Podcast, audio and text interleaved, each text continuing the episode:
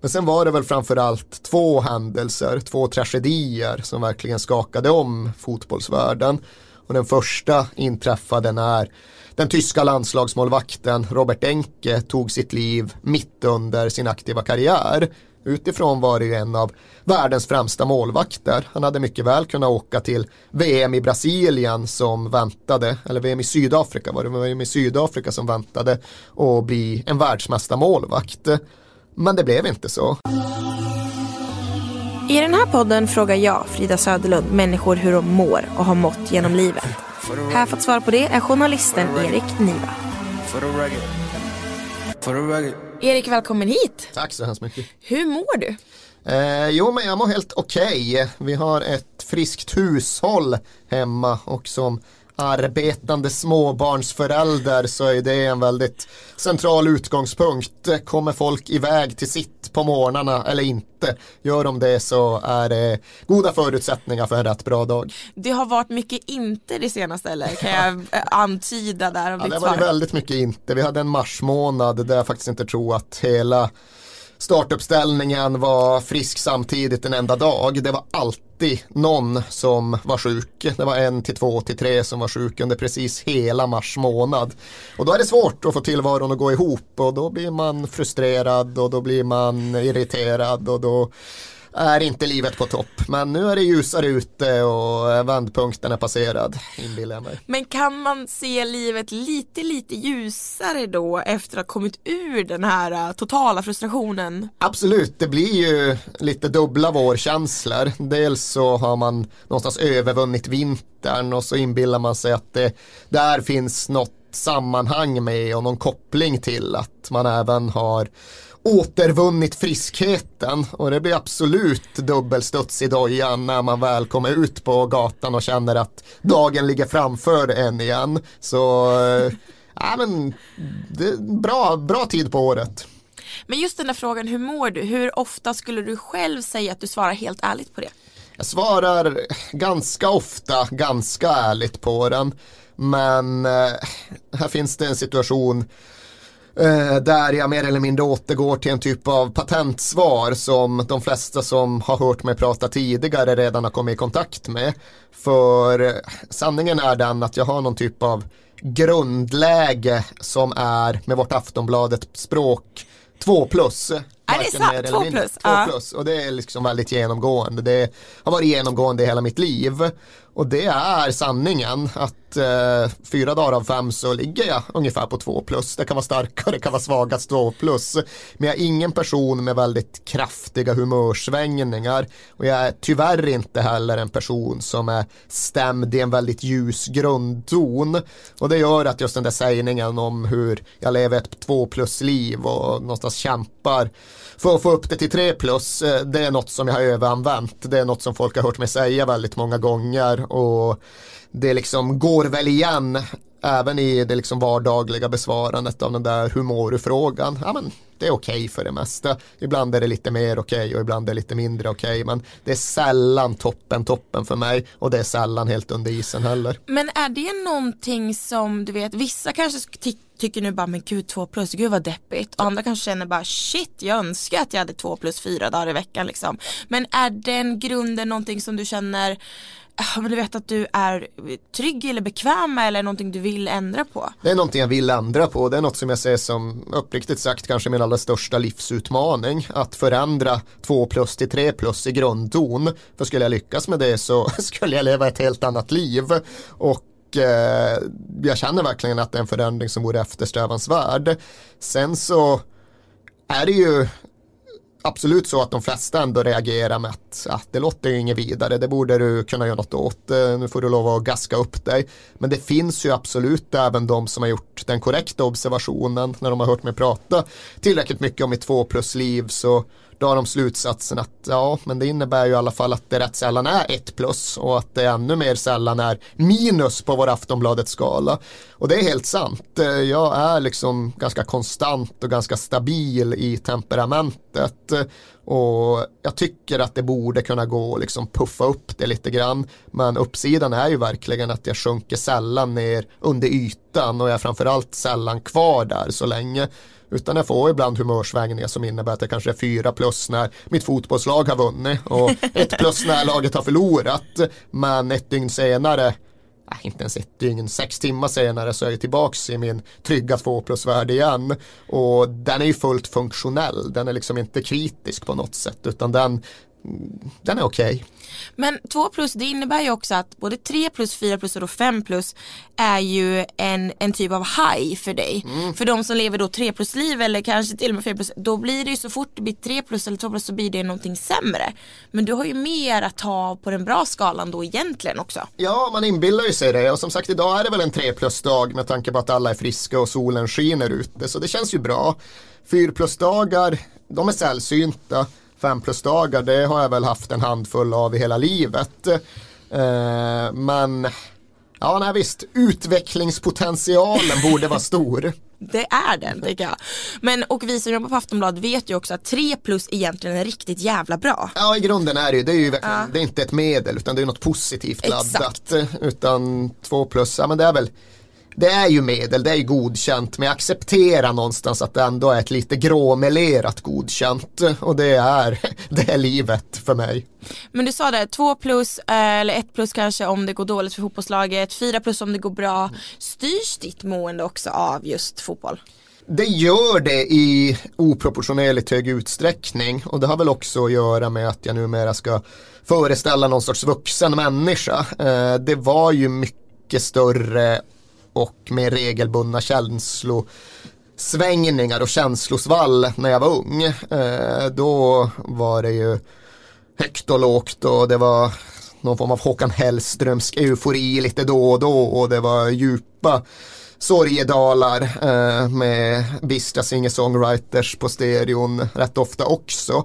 Men i takt med att jag har liksom vuxit upp och fått någon typ av stabil vardagstillvaro och skaffa familj så upplever jag väl att eh, livet tuffar på i mycket högre utsträckning och det finns något ganska skönt och betryggande med det. Men det får också konsekvensen att det är väldigt sällan min vardag ger mig de där känslosvängningarna. Utan de flesta dagar är väl ungefär varandra lika. Det händer grejer i jobbet som gör att jag kommer upp på 3 plus eller sjunker ner till 1 plus när någon jävel avbokar som de inte borde. Det händer såklart saker med barnen som gör att man reagerar på det. Men annars är det ju väldigt mycket rälsen rakt fram. Förutom då när det kommer till fotboll. För där innebär ju varenda jävla match en stor känslopåfrestning för mig. Jag liksom blir nervös och jag blir besviken och jag blir glad och jag blir lycklig. Och det tror jag är en stor del av anledningen till att fotbollen har bevarat sin kraft för mig. Annars är det ju en hel del människor som liksom tappar entusiasmen och intresset just när de blir vuxna. För mig har det inte varit så utan för mig har det nästan varit tvärtom. Och det tror jag är knutet till att den ger mig saker som jag inte hittar någon annanstans.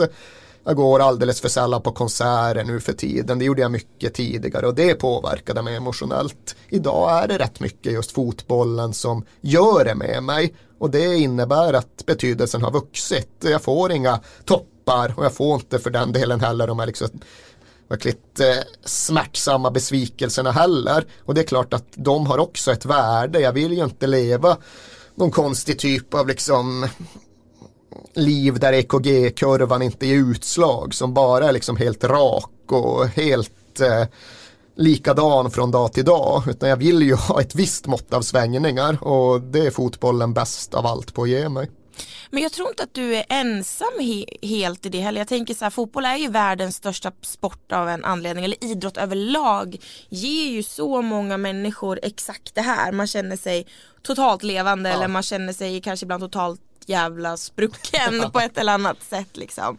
Vad tror du är med, ja, med fotboll eller idrott i stort som, som gör att den här magiska känslan finns, att det kan styra ett helt känsloliv?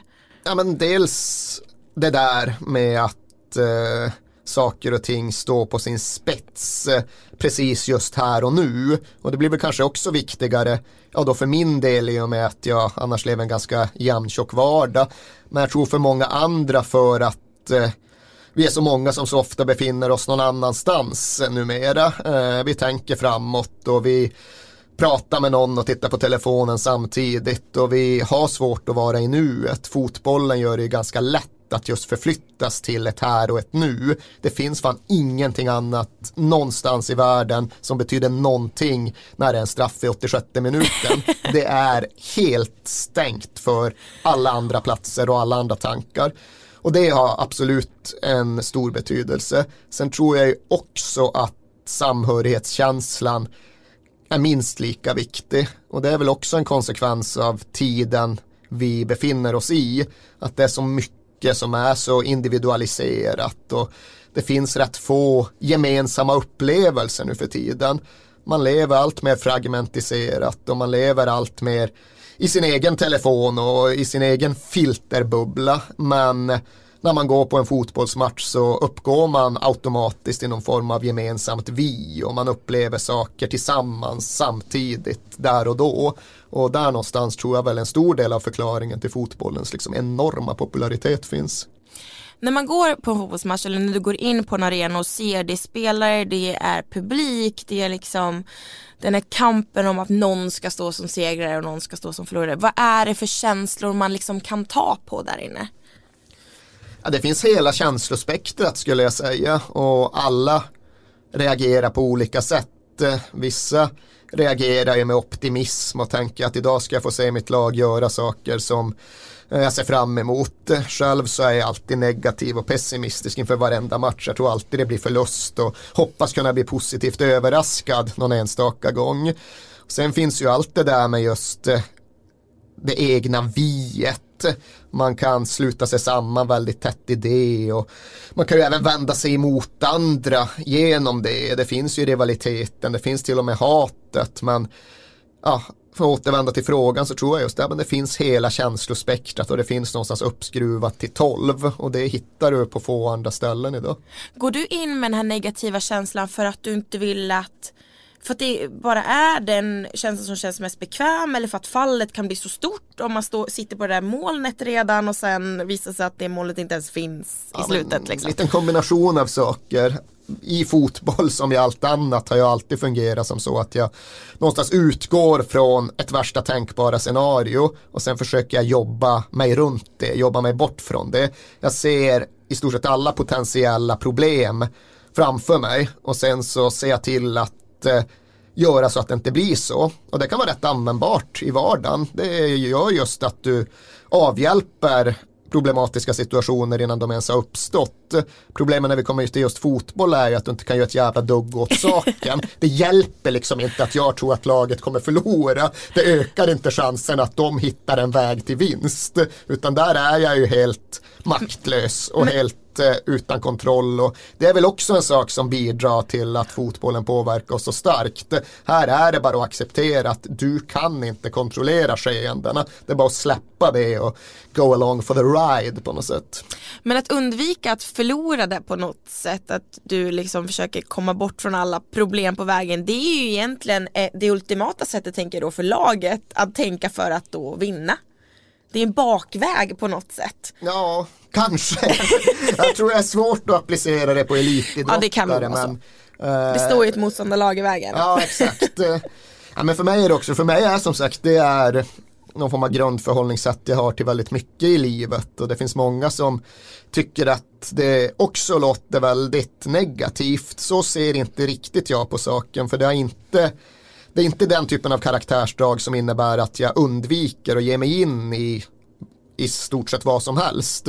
Utan jag gör saker och jag ser till att saker händer. Men jag ser alltid till att jag går in väldigt garderad med alla nödutgångar eh, rekade och eh, ryggen så fri som den någonsin kan vara. Och som sagt, det, det har faktiskt varit rätt användbart. Det har inneburit just att jag inte befinner mig med en massa problematiska situationer som jag inte kan förutse utan jag har sett vartenda jävla problem, vartenda mörkt moln på himlen långt innan de väl börjar regna över mig. Men finns det, jag tänker, vi var inne här precis innan på den här skalan att du lever två plus liv eller att du liksom, du befinner dig där och du är bekväm och trygg i det. Men är du en person som blir rädd för att hamna på ett plus eller minus, eh, liksom känns det är det skit, en skitjobbig tanke? Nej det är det inte. Det är inte så att jag går och våndas över att allt på något sätt kommer rasa längre. Det kunde jag absolut göra i tonåren och så men idag är jag ganska trygg med att eh, två plus nivån kommer jag alltid kunna hitta tillbaka till. Även om det skulle hända något riktigt jobbigt och även ifall det skulle vara något väldigt negativt som jag behöver hantera så kommer jag ganska snabbt att ta mig tillbaka till två plus för som sagt det är min grundton i livet. Även om jag försöker ta mig ifrån det så är det där jag vaknar upp på morgonen på något sätt. Sen är det klart att det inträffar någon tragedi och att ett barn går bort eller någonting då är det ju en helt annan skala. Men det ska nog väldigt, jag har väldigt svårt att se ett scenario i min vardag som innebär att jag liksom störtar ner och helt plötsligt tar ett plus som utgångspunkt istället. Utan mitt liv är någonstans stämt i två plus-tonen och det är dit återvänder jag. Men finns det också någon trygghet tänker jag i att man har sett alla jävla problem som kan dyka upp så att du vet också du kanske inte alltid blir så överväldigad av att trilla ner då till ett plus tänker jag för att du har redan sett att det might come liksom. Ja det kan absolut ligga någonting i det för ja, som sagt eh, den riktigt överraskande motgången den drabbar mig sällan. Jag har nästan alltid bekymrat mig för den redan på förhand, försökt jobba mig förbi den och ibland kanske jag inte lyckas, ibland kanske jag blir infångad av den. Men eh, just den chockartade känslan av att nu jävlar händer det något dåligt som jag överhuvudtaget inte såg komma, den drabbar mig sällan. Om jag säger fotboll och psykisk ohälsa, mm. vad tänker du då? Tänker att det är ett väldigt, väldigt stort ämne i och med att fotboll är ett väldigt, väldigt stort kulturfenomen och det går egentligen att använda väldigt många olika infallsvinklar. Det går faktiskt att prata om det redan från den stackars sjuåringen som tvingas eh, känna på selektering för första gången. Det går absolut att prata om det kring den hyperambitiösa 16-åringen som har levt en hel ungdom med övertygelsen om att han eller hon skulle bli proffsspelare och sen bli bortvald på tröskeln till seniorlivet. Det går verkligen att prata om det utifrån den väldigt lyckade fotbollsspelaren som nu har avslutat sin karriär och som funderar över vad livet ska innehålla för meningsfullt på andra sidan. Men allra enklast är väl egentligen att prata om det utifrån den psykiska ohälsesituation som jag tror finns runt alla de som vi ser på tv hela tiden, runt de som är elitfotbollsspelare idag. För där har vi väl numera så starkt forskningsstöd att vi kan konstatera att det här är människor. Det är framförallt kanske manliga fotbollsspelare som drabbas av psykisk ohälsa i högre utsträckning än folk i allmänhet. Men som alltjämt behandlas som att det vore tvärtom. De mår sämre än folk gör på gator och torg. Men vi förutsätter någonstans att de ska vara mer eller mindre osårbara och det är klart att i det glappet så finns en väldigt viktig diskussion att ha. Men vad är det som folk inte riktigt ser när de ser de här äh, personerna som typ blir, blir som gudar mm. på planen? Liksom, vad är det vi, vi missar att titta på? Vi missar ju att se deras osäkerhet, vi missar att eh, förstå pressen de hela tiden befinner sig under. Vi kan inte riktigt begripa hur extrem deras tillvaro är, hur starkt prestationsfokuset, prestationskraven påverkar dem. Och jag tror väl egentligen att så fort man börjar tänka kring det lite grann och reflektera lite över det så är det ju ingen svår ekvation att få ihop. Återigen, det här är människor som kan stå i ett läge där de ska skjuta en straff och hela deras jävla nations välmående på kort sikt avgörs av huruvida de gör mål eller inte. Liksom jag skulle aldrig kunna hantera det, Säg att jag missar. Hur ska jag bära det eh, genom livet framöver, genom veckan som kommer? Eh, så det är ju verkligen extrema liv de lever. De blir granskade, de blir bedömda, kritiserade av hundratals miljoner av människor flera gånger i veckan. De befinner sig i en miljö som är oerhört, oerhört konkurrensutsatt där alla hela tiden jobbar för att ta deras plats. Och de har traditionellt sett fått väldigt lite hjälp med att hantera det här. Och det är klart som fan att det någonstans innebär att det riskerar att skära sig. Men för man pratar ju väldigt mycket om att spelare kan skada knän och kan skada fötter, säsongen är över på grund av olika typer av fysiska skador och sådär. Men finns det ens ett samtal om just den psykiska biten i fotbollsvärlden? Det har uppstått och det har intensifierats och det är en enorm skillnad idag jämfört med hur det var för tio år sedan. För då var det ju en, ett svart hål. Då var det ju ingen som egentligen pratade om det på någon sorts allvar. och Det fanns liksom ingen kompetens och ingen vilja att förändra och förbättra saker och ting. Då var det bara någonting man blundade för och inte låtsades om. Men sen var det väl framförallt två händelser, två tragedier som verkligen skakade om fotbollsvärlden. Och den första inträffade när den tyska landslagsmålvakten Robert Enke tog sitt liv mitt under sin aktiva karriär. Utifrån var det ju en av världens främsta målvakter. Han hade mycket väl kunnat åka till VM i Brasilien som väntade, eller VM i Sydafrika var det, VM i Sydafrika som väntade och bli en världsmästarmålvakt. Men det blev inte så eftersom att han mådde oerhört dåligt. Han fick inte den hjälpen han behövde och han ställde sig framför ett expresståg istället. Och det var ju verkligen någonting som fick fotbollsvärlden att chockas, att fundera över hur fan det kunde bli så och vad som skulle göras för att undvika att det någonsin skulle kunna hända igen. Eh, sen gick det inte ens, jo det gick nog drygt två år innan något liknande hände igen och då var det ingen aktiv spelare.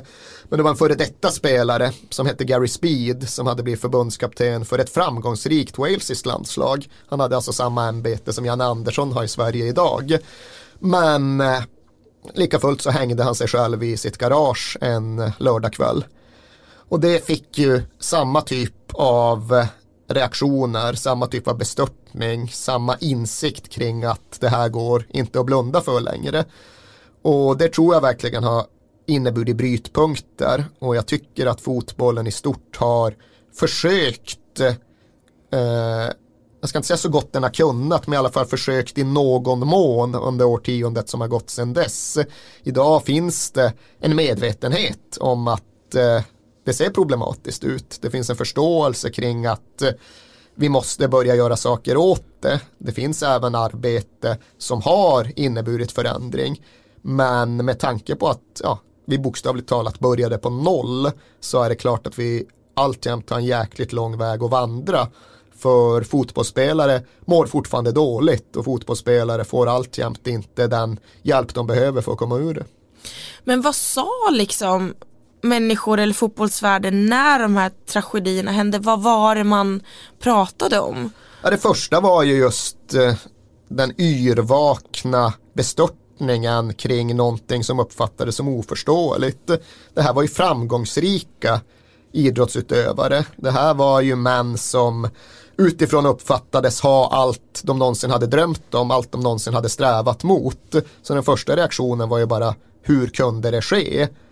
Och när den tanken väl började leda till en del svar och en del insikter så blev ju nästa steg och nästa fundering såklart vad som behövde göras åt det. Eh, för det börjades ju göra kartläggningar och det kom kanske framförallt en undersökning rätt långt senare som jag tror många idag kom i kontakt med. Det var ju den som det internationella spelarfacket gjorde när det konstaterades att enligt den undersökningen så var det 38 procent, alltså fler än en, mer än en tredjedel av alla aktiva elitspelare som drabbades av psykisk ohälsa under sina karriärer. Och när man är uppe på de nivåerna då går det ju liksom inte att blunda och låtsas som ingenting längre. Då är det ju bara att arbeta fram någon typ av handlingsplan. Och när man kommer fram till sådana här siffror också så brukar man ju ofta prata om ett mörkertal mm. också. Så det tragiska är ju ofta att när man har en siffra så är den oftast lite lite värre ja. än vad man liksom har på papper. Men jag tror väl att det är rimligt att prata om en situation där det liksom inte går att räkna med att någon elitfotbollsspelare går igenom sin karriär utan att behöva hjälp längs vägen. För det fattar vi idag att skador kommer ju drabba varenda elitfotbollsspelare. Du kommer behöva medicinsk hjälp under din karriär. Jag tycker att det är rimligt att prata om att alla elitfotbollsspelare kommer behöva mental hjälp någon gång under sin karriär. Och där är vi väl nu i ett skede där liksom de mer resursstarka klubbarna ute i världen, de börjar väl ha knutit till sig mentala, mentalt kompetenta personer till sin stab. Men vi är inte framme, vi är till exempel inte där i Sverige där elitklubbarna fortfarande har små resurser att jobba med. Men eh, vi närmar oss en punkt där det i alla fall finns någon kompetens runt mental ohälsa knuten till många fotbollsklubbar. Men det är fortfarande ett läge där det är väldigt mycket reaktivt arbete. Det är någon som börjar må dåligt och då får han, för det är oftast fråga om manliga fotbollsspelare, förhoppningsvis någon hjälp med att ta sig bort från det, ta sig ur det. Men det preventiva arbetet, det de ja, refererar till som prehab, det existerar ju i stort sett inte alls. Och det fattar väl de flesta att det är så man verkligen skulle kunna uppnå någon typ av varaktig förändring.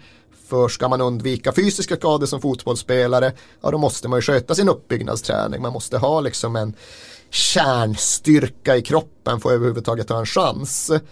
Men återigen, de mentala påfrestningarna vi vet ju på förhand att de kommer vara enorma. Vi vet att det ska spelas den där derbymatchen. Vi vet att det ska spelas det där avgörande kvalet när allt står på spel.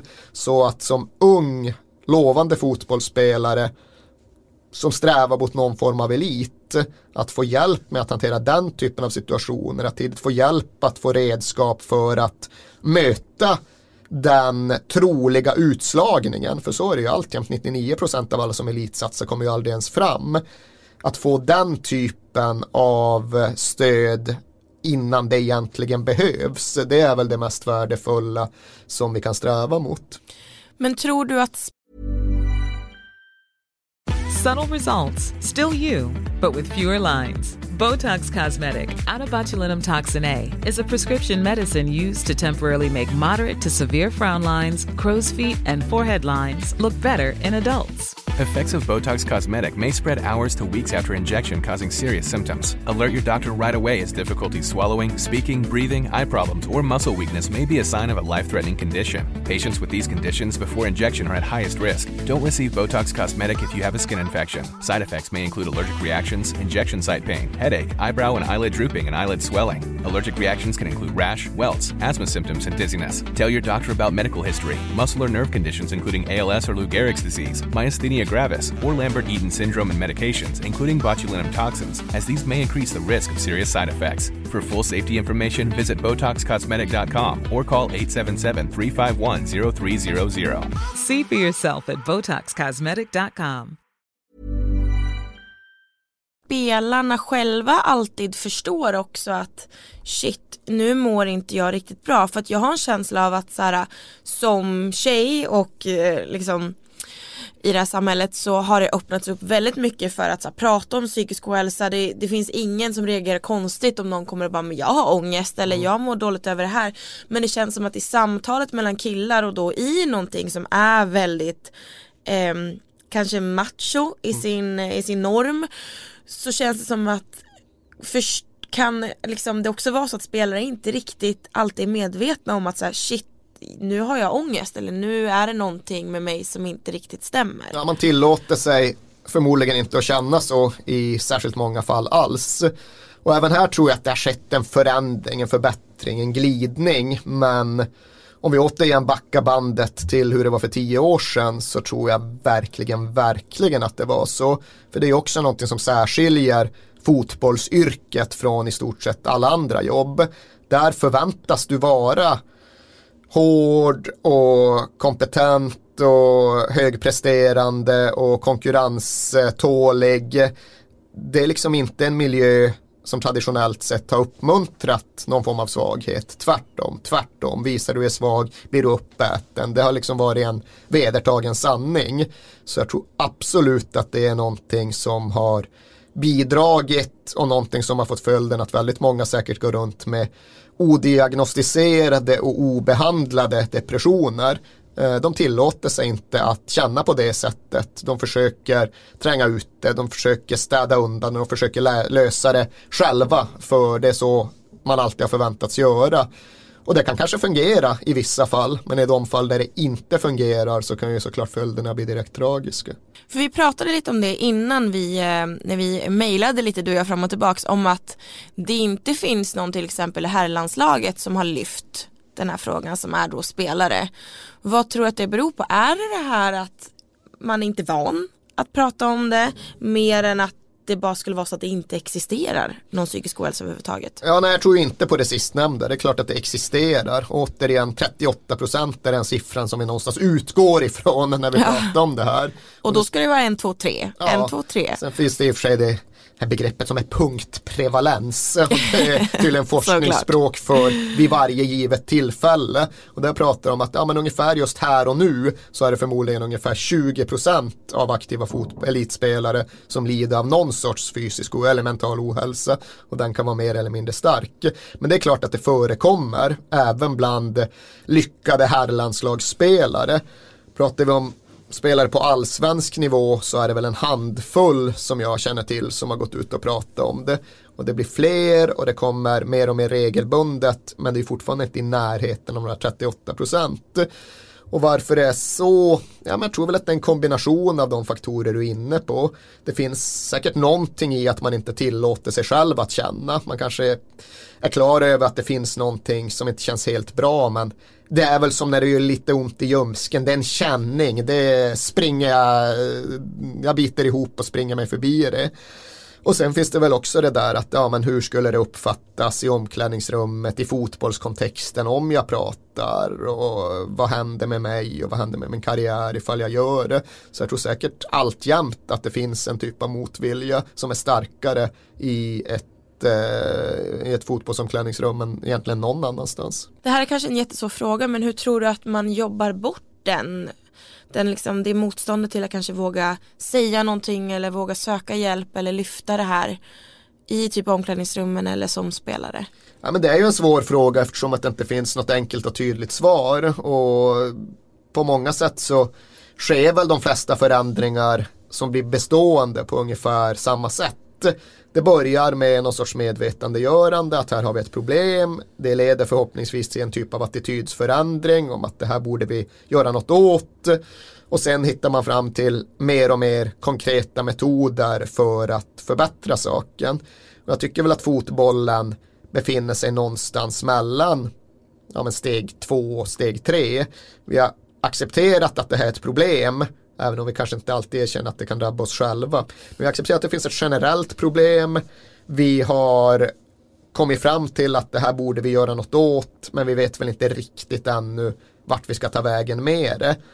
Men vrider man tillbaks klockan lite grann så då fanns det ju verkligen den här farhågan kring att eh, dels bli utstött i omklädningsrummet men även bli hånad från läktarna ifall man pratade på det sättet. Det fanns en gammal skotsk målvakt för bra många år sedan som hette Andy Gorham som stod i i landslaget bland annat och han blev så sjuk att det till slut blev oundvikligt för honom att prata om en typ av bipolär situation som nästan slog över till schizofreni. Och det möttes ju då från läktarna av att den gamla klassiska hyllningssången om att there's only one Andy Gorham, finns bara en Andy Gorham, bytte till there's only two Andy Gorhams. Och han visade då till hans eh, personlighets, eh, hans bipolära situation. Och det var väl galghumoristiskt, det var inte bara elakt och liksom mobbande, men det är klart att eh, det säkert var tufft ändå för honom att möta. Eh, men där tror jag också just att vi har redan nu kommit någonstans med det. För just i Skottland, där Andy Gorham då var verksam, där har den allra största klubben som heter Celtic en framstående landslagsanfallare som heter Lee Griffiths som bara slutade dyka upp i början av den här säsongen. Han var inte längre disponibel, han var inte tillgänglig för spel. Och alla undrar vad fan det var med Lee Griffiths, det var någon diffus skada. Nej, det var ingen diffus skada den här gången. Han hade helt enkelt eh, problem med mental ohälsa. Och det fanns väl en undran kring hur det egentligen skulle landa. Men vid första matchen efter att det blev känt så hade de mest hårdkokta supporterna på den arenan förberett en gigantisk banderoll där det just stod ja men Lee Griffiths you'll never walk alone, det går inte ensam, um, it's okay to not be okay. Och bara liksom en sån grej att så tydligt signalera att här har massan någonstans både accepterat och visat förståelse för att eh, ja, det är okej. Okay. Det kan vara på det här sättet. Det är ingen som dömer dig, det är ingen som eh, inte kommer välkomna dig tillbaka utan ta den tid du behöver och sen kommer du väl förhoppningsvis tillbaka till fotbollsplanen. Det är en förändring som betyder någonting, det är det absolut. Men det där är ju så fint för jag tänker att eh, något av det mest magiska med just fotboll är ju hur det liksom, eller idrott överlag kanske, hur det förenar folk och den här gemenskapen och så här, vi är in this together liksom. Mm. Och jag antar att det kan ju vara det man är rädd för att bli utstött ur den gemenskapen Absolut. när man då berättar något och sådär. Men det är ju så jävla fint att se de här exemplen på att såhär, nej men mår du dåligt, då mår vi också dåligt tillsammans. Verkligen. Eller då så backar vi upp varandra. Och det är det, den miljön man vill ha, men det är ju Alltså i fotbollsvärlden så antar jag att det krävs ju en förändring alltså i allt från omklädningsrummen till uppe på läktaren till hur vi liksom ser på hela idrotten på något sätt. Ja men det var väl egentligen där vi började prata om varför är fotboll så populärt eh, och varför betyder det så mycket för så många. En av de största anledningarna det är ju verkligen just den här samhörigheten. men här får jag ett sammanhang som jag kan ingå i och det hittar man rätt sällan någon annanstans. Och det gäller ju både när man utövar liksom en känsla av laget, nu ska vi göra något tillsammans, nu ska vi klara av den här målsättningen. Och läktaren, ja men här är vår klubb och den är vi lojal mot och trogen mot hela livet igenom. Och det är jättestarkt och där vill jag ju tro att det finns en jäkla potential framöver för att till exempel komma till rätta med det. För känner man att den tillhörigheten är mer, mer eller mindre villkorslös, ja, men du riskerar inte att förlora den, den har du alltid kvar. Då tror jag ju att bara det, bara den känslan ger ju en trygghet som jag tror kan vara ett starkt försvar mot mental ohälsa. Eh, det har alltid för mig funnits ett stort värde i just fotbollens beständighet också. Tidigare pratade jag visserligen om att det är svängningarna som är grejen men även den där vetskapen om att spelar liksom ingen roll om eh, jag förlorar jobbet eller om jag måste flytta till en mindre lägenhet eller om jag separerar eller vad som. Bollarna rullar vidare och laget finns kvar ändå. Och har man den känslan och den tryggheten att eh, hitta kraft ur även i liksom ja, när man då kommer in på området med mental ohälsa då tror jag just att det kan betyda jättemycket. Man vet att ja, men, det finns alltid där, arenan finns alltid där, min läktare finns alltid där, mina lagkamrater finns förhoppningsvis också alltid där. Eh, och det är en förtröstansfull tanke. Men det finns ju också någon form av grundläggande problem i och med att fotbollen i mångt och mycket alltid kommer att definieras av resultat. Omklädningsrummet ofrånkomligen så. Och det gör ju att det blir en svår kombination det där att eh, även den som inte presterar ska någonstans få vara med även i landslaget. Det är en paradox som liksom är svår att få ihop. Och det finns ju också ett problem kring hur läktarna i längden kommer ha tålamod och förståelse för spelaren som överhuvudtaget inte presterar. Spelaren som kanske kostar resultat och matcher. Men jag vill tro att det ändå är marginalinvändningar. Jag vill tro på att liksom solidaritet den eh, fotbollens solidaritet är den verkligt starka grejen här. Det är den som vi borde kunna hitta kraft av och gå vidare framåt ur.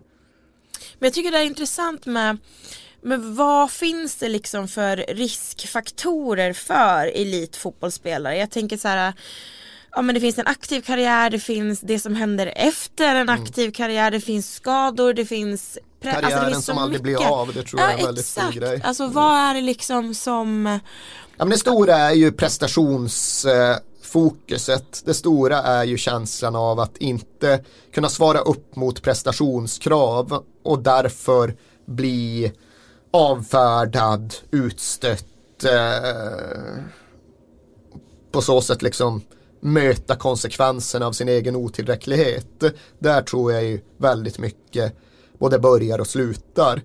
Sen finns det andra dimensioner också. Det finns liksom det faktum att de som verkligen lyckas nu för tiden, de tvingas ju leva så jävla skruvade liv. Det är ju fortfarande ofta väldigt vanliga killar, om vi pratar här fotboll, för det är den som är mest extrem. Det är vanliga killar från enkla bakgrunder som eh, ja, lever ganska knapra fattiga liv tills det är de blir 17 och så skriver man på ett första proffskontrakt och helt plötsligt är de mångmiljonärer, behöver aldrig jobba en dag till i sina liv, kan förmodligen inte ens bo kvar i de kvarter där de en gång växte upp utan blir från en natt till en annan nersänkta eh, från någon luftballong i någon egendomlig herrgård ute på landsbygden där de inte alls känner sig hemma eller trivs eller bottnar. Så det är ju också en grej det där med att de kastas från ett liv in i ett annat.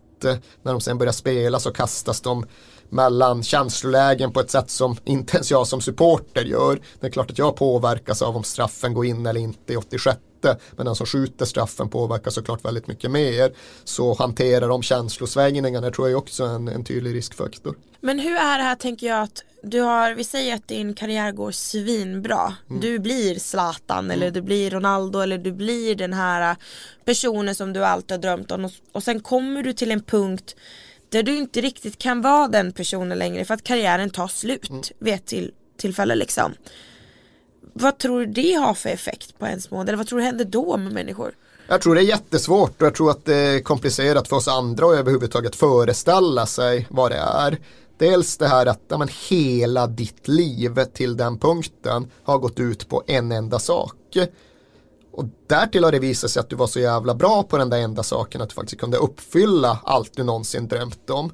Och det gav i sin tur en status som eh, eh innebar att du blev en av världens mest berömda, uppskattade och hyllade människor. Och det fick i sin tur då konsekvensen att du inte längre kunde leva någon typ av vanligt liv utan fick lov att leva helt isolerat i någon märklig kombination av gated community och flygplans, flygplatslounger och gud vet vad. Och när allt det tar slut så ja, du har så mycket pengar att du kan bo kvar i din avskurna herrgård ifall det nu är det du vill. Men det är klart att det inte är så givet att det är det du vill. Och när då all den här uppskattningen helt plötsligt bara tar slut och när du inte längre känner att du är bäst på någonting och när du därtill inte längre har någonting att sträva mot. Ja, jag har inget bra svar på vart man tar vägen från den punkten. Sen är väl det någonting som ja, slår olika hårt beroende på exakt hur långt du kom i karriären. Liksom Zlatan, Cristiano Ronaldo situationen, där är det ju bara några dussin människor som befinner sig.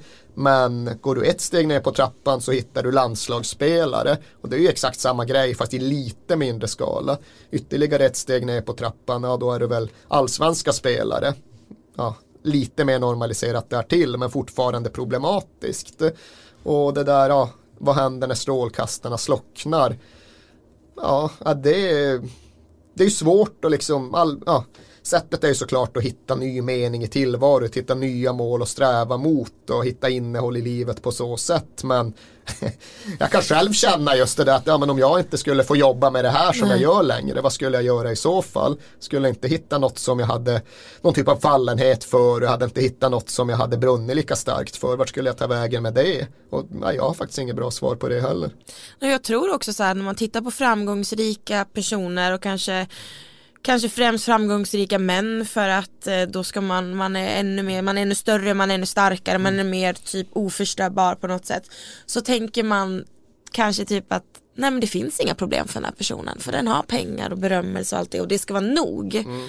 Men det är ju flyktigt på alla sätt. Ja, ju... Tanken inbillar mig att vi nästan är förbi nu. Jag hoppas ja, det. Jag gör väl också det. Det är väl, ja, jag hoppas också, men ja, för mig är ju den tanken är jätte jättelångt borta nu att ja, men bara man får jättemycket pengar så man kan köpa jättesnabba bilar att det skulle liksom innebära att allt annat bleknar.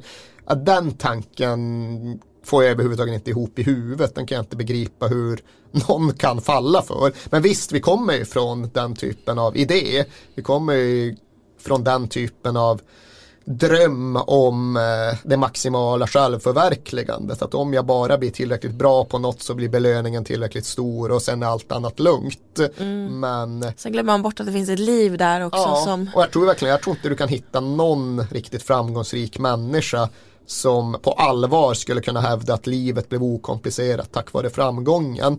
Jag har aldrig stött på någon sån och jag kan inte riktigt föreställa mig hur det skulle kunna gå till. Vi har den här statistiken på 38% eh, som mår dåligt av elitfotbollsspelare eh. Vi har de här tragedierna bakom oss. Vad, vad tror du konsekvensen skulle bli om vi inte på riktigt tar i det här samtalet nu i, inom fotbollsvärlden?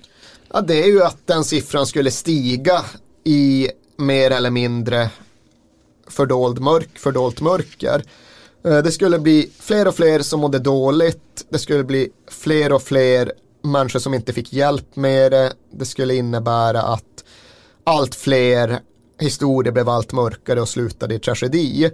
Och det är klart att det skulle innebära att eh, individer fick sina egna liv krossade och det skulle också innebära att vi verkligen skulle behöva ifrågasätta fotbollssportens eh, sundhet. Det finns det redan nu en jävla massa skäl att göra. Det finns väldigt många mörka baksidor med hela kulturfenomenet fotboll.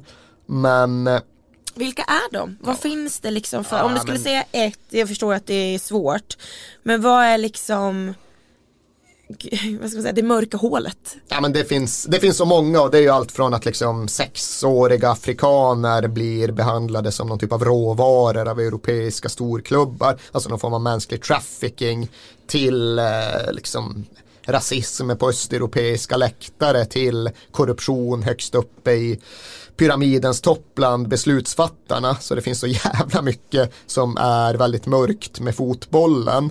Men om vi, bara, om vi riktar in oss på det här med mental ohälsa så finns det verkligen en fundering kring om jag som förälder skulle vilja att mina egna barn satsade på att bli elitfotbollsspelare. Jag tror liksom att risken att eh, på något sätt eh, få mentala R av det försöket är lite väl stor för att jag skulle känna mig helt bekväm med det. Det finns andra Eh, argument mot också. Du tvingas investera så jäkla mycket tid och energi att det blir svårt att kanske välja en annan väg i livet och nå speciellt långt på den.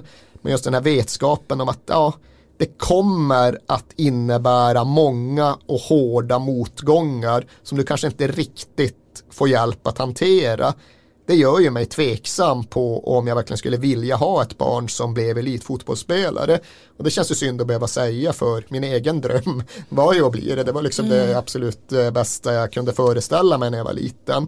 Men jag vet inte riktigt om det är en bra väg att gå. Och det vill jag ju såklart att vi ska komma till rätta med. Eh, ja men det finns ju en jävla sorg när fotbollen slutar vara kul. Eller när det slutar vara något att sträva ja. mot, liksom, något som man kan rekommendera till eh, andra, något som man kan vilja ge till sina barn. Det finns en jävla jävla sorg i det. Sen så ska inte fotbollen bara reduceras till eliten. Den tar inte slut eh, där och liksom jag skulle fortfarande, jag hoppas fortfarande att mina barn blir fotbollsintresserade och liksom kan få gemenskapen från läktaren och så vidare. Men just den där elitsatsningen den kan ha jättepositiva konsekvenser. Det ska vi ju säga i det här sammanhanget att det finns ju många som verkligen stärks av det. Man lär sig just att ingå i en grupp och man lär sig att lyssna på andra auktoriteter och man lär sig förhålla sig till både andra personer och andra utmaningar. Man kan få disciplin och struktur och målmedvetenhet och fotbollen har sannerligen räddat en jäkla massa liv på, ja kanske framförallt idag ungdomar från utsatta områden som ja, hade haft ganska få alternativ ifall det inte vore för fotbollen. Men det finns också den där oron att ja, när vi väl kommer till tröskeln mot elit, där finns det nog väldigt mycket större risk, eller där finns det väldigt mycket större risk att misslyckas än det gör att lyckas. Och att förbereda våra unga på att förlora, det är fotbollen genom sin natur hyfsat bra på. För du kommer förlora matcher. Du kommer behöva vänja dig vid det när du växer upp. Men att inse att hela karriären på ett sätt kanske blev en typ av misslyckande. Att du inte nådde hela vägen fram som du hade drömt om. Det måste fotbollen bli bättre på att få ambitiösa unga och inse att ja, men det är också okej. Okay, liksom. Det behöver inte vara så att du måste bli Zlatan Ibrahimovic för att lyckas. Det finns jävla många andra nivåer som du kanske ser som ett misslyckande när du tänker på idag, men som ändå inte bara är helt okej okay, utan också är jävligt, jävligt bra. Och där måste nog fotbollen bli väldigt mycket bättre i sitt preventiva arbete. Men det känns ju oftast tycker jag som att fotbollen är många ungas första dröm oavsett ja. om du är kille eller tjej. Det hoppas jag. Det är, liksom, det är, så, det är så närvarande och så stort mm för så många. Mm. Ja, verkligen. Och som sagt, kring allt det vi pratar om, den förändring man långsiktigt önskar sig, det är ju att man till exempel i min roll som förälder kan känna en ganska oreserverad vilja att hjälpa dem in på en sån väg. Det är klart du ska satsa på fotbollen för det kommer göra bra saker med dig. Det kommer hjälpa dig i livet snarare än att vara som det är idag. Den där känslan av att ja, det är klart att de ska satsa på fotbollen om de verkligen, verkligen vill själva. Men om jag skulle få välja så hade jag nog nästan hoppats att de valde en annan väg. Det är den förändringen som skulle vara den mest avgörande. Det är den som skulle innebära att vi verkligen har kommit någonstans. Du ska få fortsätta vara lite inspiration här på en sista grej vi gör som är fem snabba frågor. Är du redo? Jag hoppas det. Okej, när du mår dåligt själv, mm. vad gör du? Eh, jag försöker på något sätt skrida till handling. eh, ja, men det är alltid märkt att det som får mig att komma ur mina ett plus perioder det är att göra något åt saken. Och det kan just låta ganska så stereotypt, gammaldags, mansrolligt. Men eh, det funkar bra för mig. Göra någonting just för att undvika problemen, det får mig att må bättre. Att bara generellt vara kreativ, i mitt fall, ja, men, utöva mitt yrke, skriva en jävla text. Det hjälper för mig, för det får mig att komma framåt, bortåt, utåt. Och det är bra. Sen såklart också liksom prata med folk och liksom bearbeta och fundera på så sätt. Men för mig så går det näst, bearbetandet nästan alltid ut på att hitta en väg framåt. Och det är inte för alla. Folk fungerar olika. Jag fungerar just så att på något sätt försöka ta mig till handling. Det är det som funkar bäst. Vem pratar du med? Eh, min sambo mest. Hon eh, har stått ut med mig länge, hon förstår mig bäst, eh, hon finns nära till hans. Det är absolut så att min umgängeskrets idag är något helt annat än min umgängeskrets var när jag var tonåring i ett litet gruvsamhälle i Malmfälten. Det finns en liksom, det är mycket närmare till samtalet även bland liksom mina manliga vänner idag. Jag var verkligen den där tonåringen som inte snackade känslor med mina fotbollskompisar utan det hade man tjejkompisar till. Men idag är det dessbättre inte riktigt så jävligt längre utan idag finns det där även i min vanliga umgängeskrets men, men det blir oftast med sambon. Vad lyssnar du på? Eh, det beror på, där är väl kanske någon form av av kurva där jag först tillåter mig själv att tycka jävligt synd om mig och då är det just någon sorgsen gammal singer-songwriter som sjunger någon regnstänkt ballad om hur jävligt allt är. Men sen är det just även där att musik som är jätteviktigt för mig kan verkligen hjälpa att komma till ja, men, komma upp ur soffan, komma ut i vardagen, komma ut och göra någonting igen. Och då blir det ju att jag liksom hittar någon form av liksom mer hoppingivande och kraftfull och energirik musik och då återfaller jag ju alltid till min gamla tvåtaktspunk liksom snabb jävla musik som handlar om att ta tag i saker, förändra samhället och göra något, det hjälper för mig. Vad är ditt safe place? Har du ett sånt? Kan jag inte påstå. Jag har varken liksom ett fysiskt eller mentalt rum som jag vänder mig till. Jag vet att det är något som rekommenderas men äh, jag har aldrig riktigt hitta fram till, till något sånt. Och till den som lyssnar som kanske kämpar med något eller som bara undrar hur man mår lite bättre när man kanske inte mår så bra. Vad skulle du vilja säga? Eh, ja, men det första är ju såklart att det är en person som inte är ensam hur mycket den kan kännas så. Alla mår ju dåligt, mer eller mindre ofta, mer eller mindre allvarligt, men alla mår dåligt. Så det är väl en utgångspunkt och en insikt som är viktig att ha. Och därefter så är jag liksom inte kompetent att uttala mig om vilken väg som funkar bäst. Jag kan själv ibland känna en otillräcklighet när jag pratar med folk som må dåligt på riktigt, som liksom mår patologiskt dåligt snarare än bara är lite nedstämd. Eh, för där finns det såklart en jävligt viktig distinktion. Eh, jag hoppas ju att det går att hitta hjälp på ett enkelt och lättillgängligt sätt i den, de fall det verkligen behövs. Jag är ingen expert men jag har väl intrycket om att vården i Sverige inte funkar speciellt bra och det är en jävla nationell tragedi.